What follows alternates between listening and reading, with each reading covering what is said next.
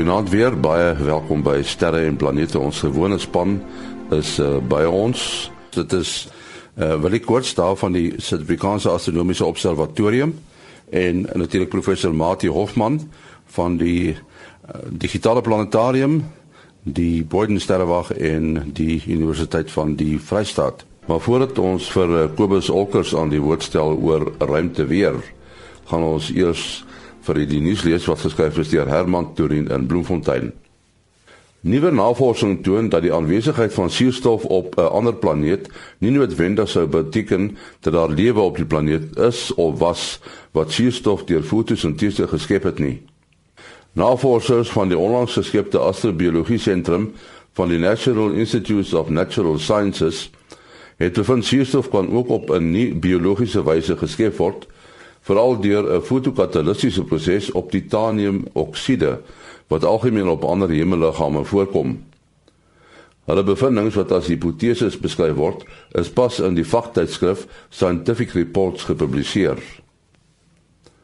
Die sertifikaatgebore ruimte-entrepreneur Elon Musk het 'n groot kritiek op die hals gehaal toe hy tydens The Late Show op Amerikaanse TV gesê het Mars se klimaat kan gou meer ondersteunend vir menslike besetting gemaak word.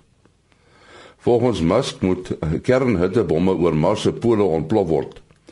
Dit sal die waterdamp wat geëis vasgevang is in die atmosfeer vrylaat en deur 'n rits opvolggevolge tot die instandhouding van oseane moontlik maak. Wetenskaplikes het gou gereageer deur te sê so 'n uitkoms is nie seker nie.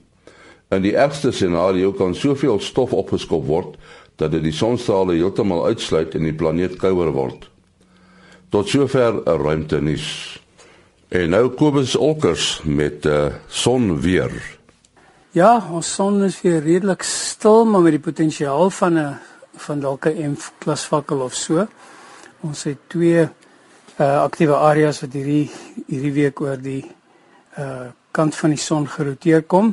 Die enetjie is al reeds redelik kompleks en hy het 'n so 'n kansie vir M-klas vakkels, maar hy's nog nie geo-effektief nie, so ons kan dalk as hy as hy sou uitbars dan sou ons uh, 'n bietjie ekstra uh inten, intense ekstra aktiwiteit ontvang en dit gaan natuurlik die ionosfeer ehm um, affekteer wat uh, weer op sy beurt uh ons GPS'e en ons uh, selfoonnetwerke kan uh, kan affekteer, maar die kanse daarvoor sou ek sê is is minder as 30% op hierdie stadium.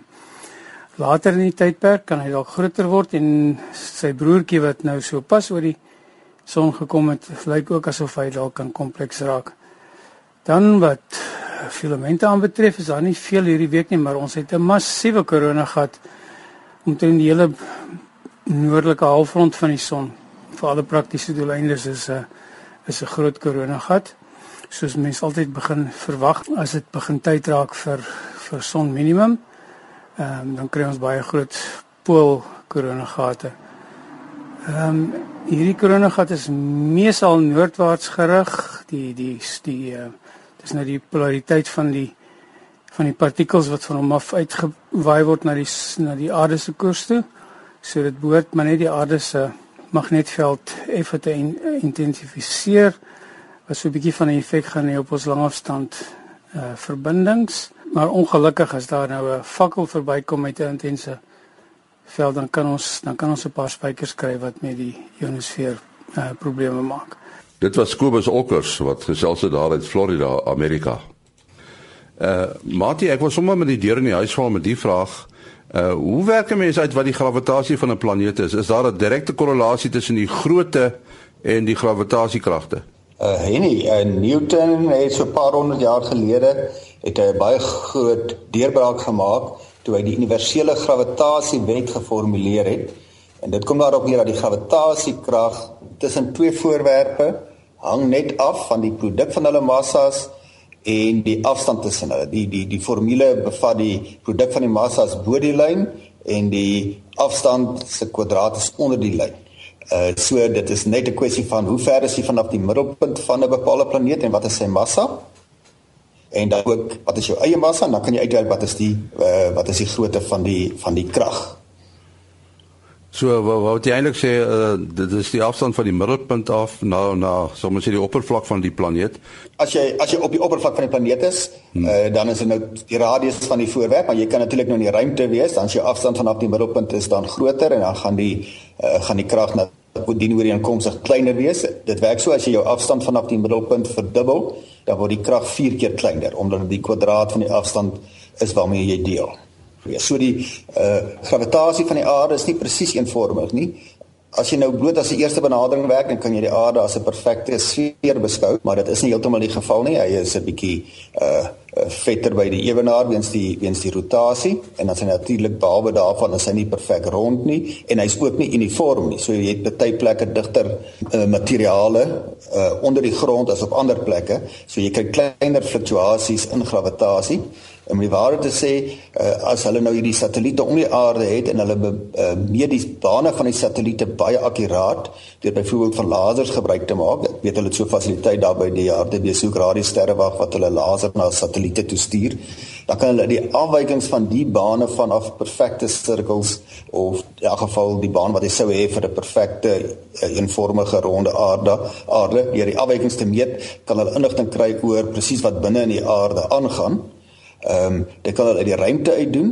Uh, en ek weet daar by Sutherland, daar uh, wil jy sal meer inligting daarvan het, het hulle 'n fantastiese sensitiewe gravitasiemeter wat die Duitsers daar geplaas het wat hulle met 'n uh, uh, supergeleidende magnete doen, um, of geleiers doen en dan kan hulle die variasie in die gravitasie weens selfs geringe veranderinge soos die grondwater en of wolke wat behoor beweeg kan hulle op hulle instrumente uh, optel. Ek kan nou nie onder onthou wat daardie eksperiment se naam is nie, maar ek het dit een keer saam met 'n studentegroep uh, besoek en as jy daar instap dan tel hy jou gravitasie op en jy kan sien daar die piek wat hy maak. So normaal word sulke besoekers nie toegelaat nie omdat die meting so sensitief is. Ja, dis reg die ehm um, die die dis eintlik 'n Duitse uh um, benaming, maar die afkorting is GFZ en uh, ja, soos Mati dan sê mikrogravitasie metings uh, wat daar uitgevoer word. En ehm um, die stelsel is so sensitief dat dit selfs die uh, golwe wat teen die kus slaan uh neem in in Sutherland. Nou die see is seker 2 300 km weg daar soos die kraai vlieg en um, dan uh, het jy hierdie mikrogravitasie wat jy kan meet. En, en interessant genoeg hulle het um, nou so 'n paar maande terug het hulle 'n kalibrasie kom doen om die absolute gravitasie te kon meet. So op die stadium het hulle nou nog net relatiewe gravitasie gehad. En uh, dis nou presies wat Martin nou sê die aarde is nie oral ewe dig nie. En um, so om terug te kom met Henny se oorspronklike vraag, uh, uh, hang dit af van die grootte. Die grootte gaan natuurlik eweredig wees as die gedigthede dieselfde is, maar uh, om natuurlik by massa uit te kom, moet jy moet jy deur digtheid gaan, kan jy maar so sê. En uh, so dit is dan uh um die hoeveelheid materiaal natuurlik die massa wat dit uiteindelik bepaal. Uh, soos maar die ook genoem het, daar is 'n klompie boorgate wat gesink is, um wat uh, dan ook die grondwater meet. Dit is ook natuurlik goed wat dit beïnvloed in die onmiddellike omgewing en um, dan ja, so daar's 'n hele is 'n hele stelsel om nou om nou die ekstra desimale komma te kry uh wat die wat die absolute gravitasie aanbetref. Ja, en die instrumentjie wat die absolute gravitasie kom meet, dit is baie interessant. Dit is eintlik 'n klein huisbakkie. Uh en dan word 'n gewig omtrent so 'n meter opgetel, nie 'n half meter omtrent, word die gewig opgetel en dan word die gewig laat val maar die, die manier wat hom laat val is die die huisbak gee pad net onder hom en dan vang hy bal weer aan die onderkant en tel hy die bal op en dan vang hy dit en uh so deur baie akkurate metings dan te neem op uh die tempo wat in die bal val uh kan hulle dan die absolute gravitasie uitwerk. Mati, ehm um, net net 'n volgende vraagie wat ook met gravitasie te doen het. Ons hoor baie keer Japie van Sail praat van uh gravity assisted Met ander woorde, dit is 'n soort van 'n slingervel aksie want hulle gebruik gravitasie daarvoor nê om satelliete in 'n ander rigting te stuur. En nie as mens nou ruimtetuie die die diep ruimte in wil stuur daarna die buiteplanete, dan werk dit teen die son se aantrekkingskrag. Ehm um, en jy kan nou as jy die vuurpyl wat jou ruimtetuig nou in sy baan moet sit, uh met brandstof laai, hoe meer brandstof jy laai, hoe meer brandstof moet jy self in die lug kry. So op die ou uit om dit alles ekonomies moontlik te maak, wil jy graag jou ruimtetuig en hoeveelheid brandstof wat jy saam met hom wil opstuur, wil jy so klein as moontlik maak. En daar's ook maar nou net soveel energie met huidige tegnologie wat jy aan hierdie tye kan gee. En as jy dan nou die diepruimte in wil gaan, dan moet jy slim wees. As jy nou nie so sterk is of so ryk is nie, moet jy slim wees. En wat ek dan doen is nou uh om eers te mik hier vir ander planete in die binnesonnestelsel. Uh die uh, die Venus is 'n gewilde een en Mars omdat hulle nou nie van ons af is nie. En selfs al het jy nou ruimtetuig gestuur dat hy nou sê verby uh Venus of Mars geslinger word, dan word hy partykeer teruggestuur sodat jy selfs die aarde kan gebruik.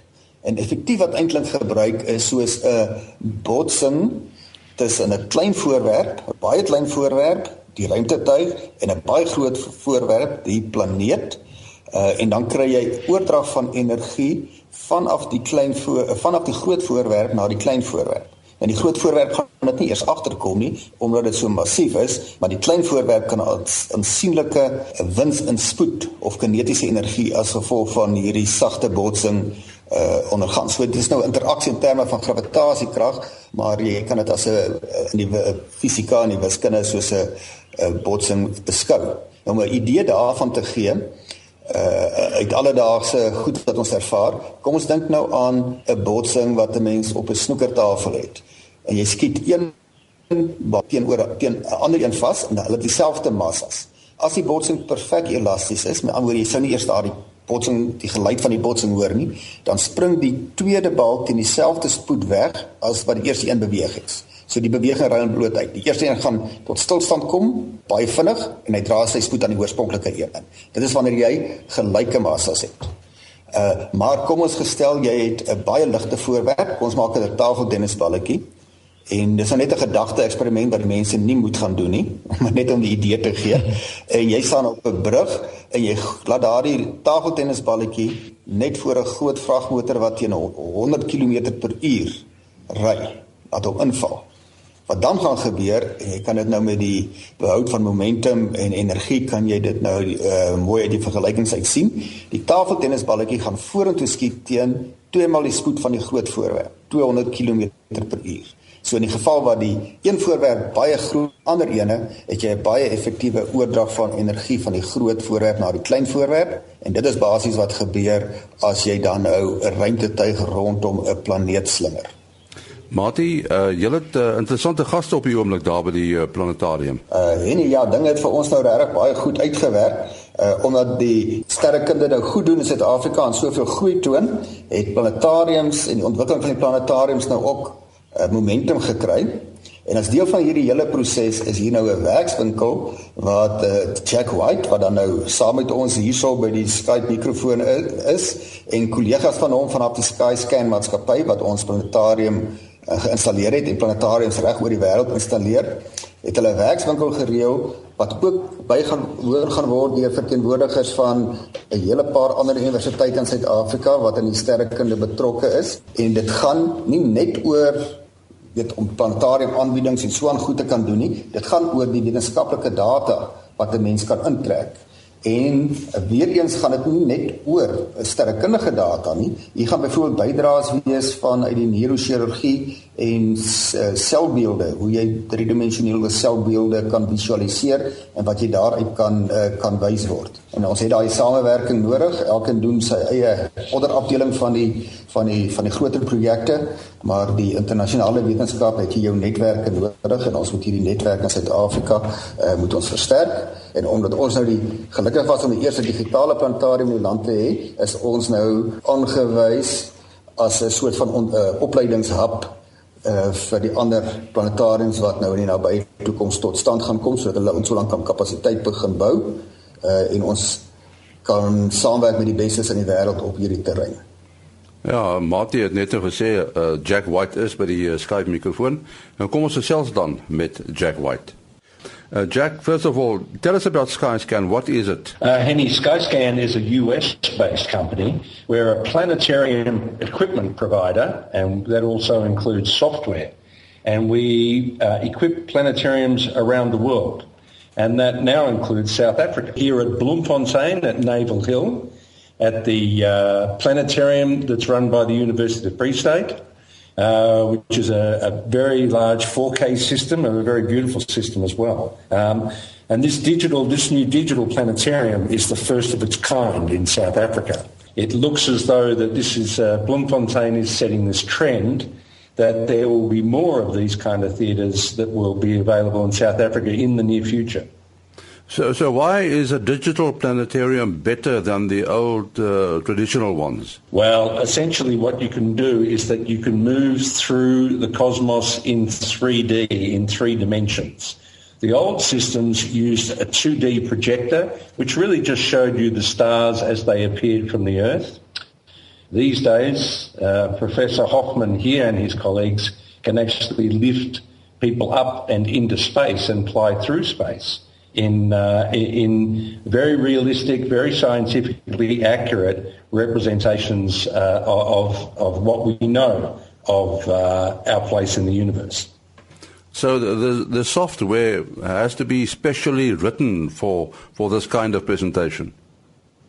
Yes, indeed. Um, it's essentially a very large model that has been been assembled with data from organisations from around the world, really, um, which show the the relative position of objects uh, in in space what sort of objects they are, what uh, effect they have on each other gravitationally. This this model is therefore the cl- it's constantly updated with uh, new materials that are brought in, and uh, so it's as close as we can get to understanding in a in a very sort of physical sense of sitting in the dome of uh, of, of the makeup of, uh, of of our place in space. What are you doing in South Africa now? South Africa has been blessed with uh, an enormous amount of uh, fantastic research being done uh, in this area. And uh, it's quite remarkable just how that concentration is now in South Africa. Of course, people would be aware probably that the SKA uh, is uh, up and coming in South Africa, and there are a couple of projects leading into that which will place South Africa at the absolute forefront of research in this area in the next 20 years to develop the visualizations of what is, is going to be captured by these instruments. We are now looking at uh, the, the kind of equipment and the kind of software that's required for that. And we're here demonstrating bringing data sets, that is information that we get from observations, into the dome and putting them on the dome so that they can be uh, used for research purposes, but just as importantly, that they can be used to, for the general public to understand what these scientists are doing and what they are finding out in, with these amazing instruments that are, are, are going to be built. So, precursor to um, to the to the future, but also to there are other things that come into it now as well. There's uh, other sorts of data too that uh, can be used in these places. Dit was dan Jack White van Australië, ook die einde van ons program. My besonderhede is maas.henny@gmail.com. maas.henny@gmail.com. Tot 'n volgende keer. Mooi loop.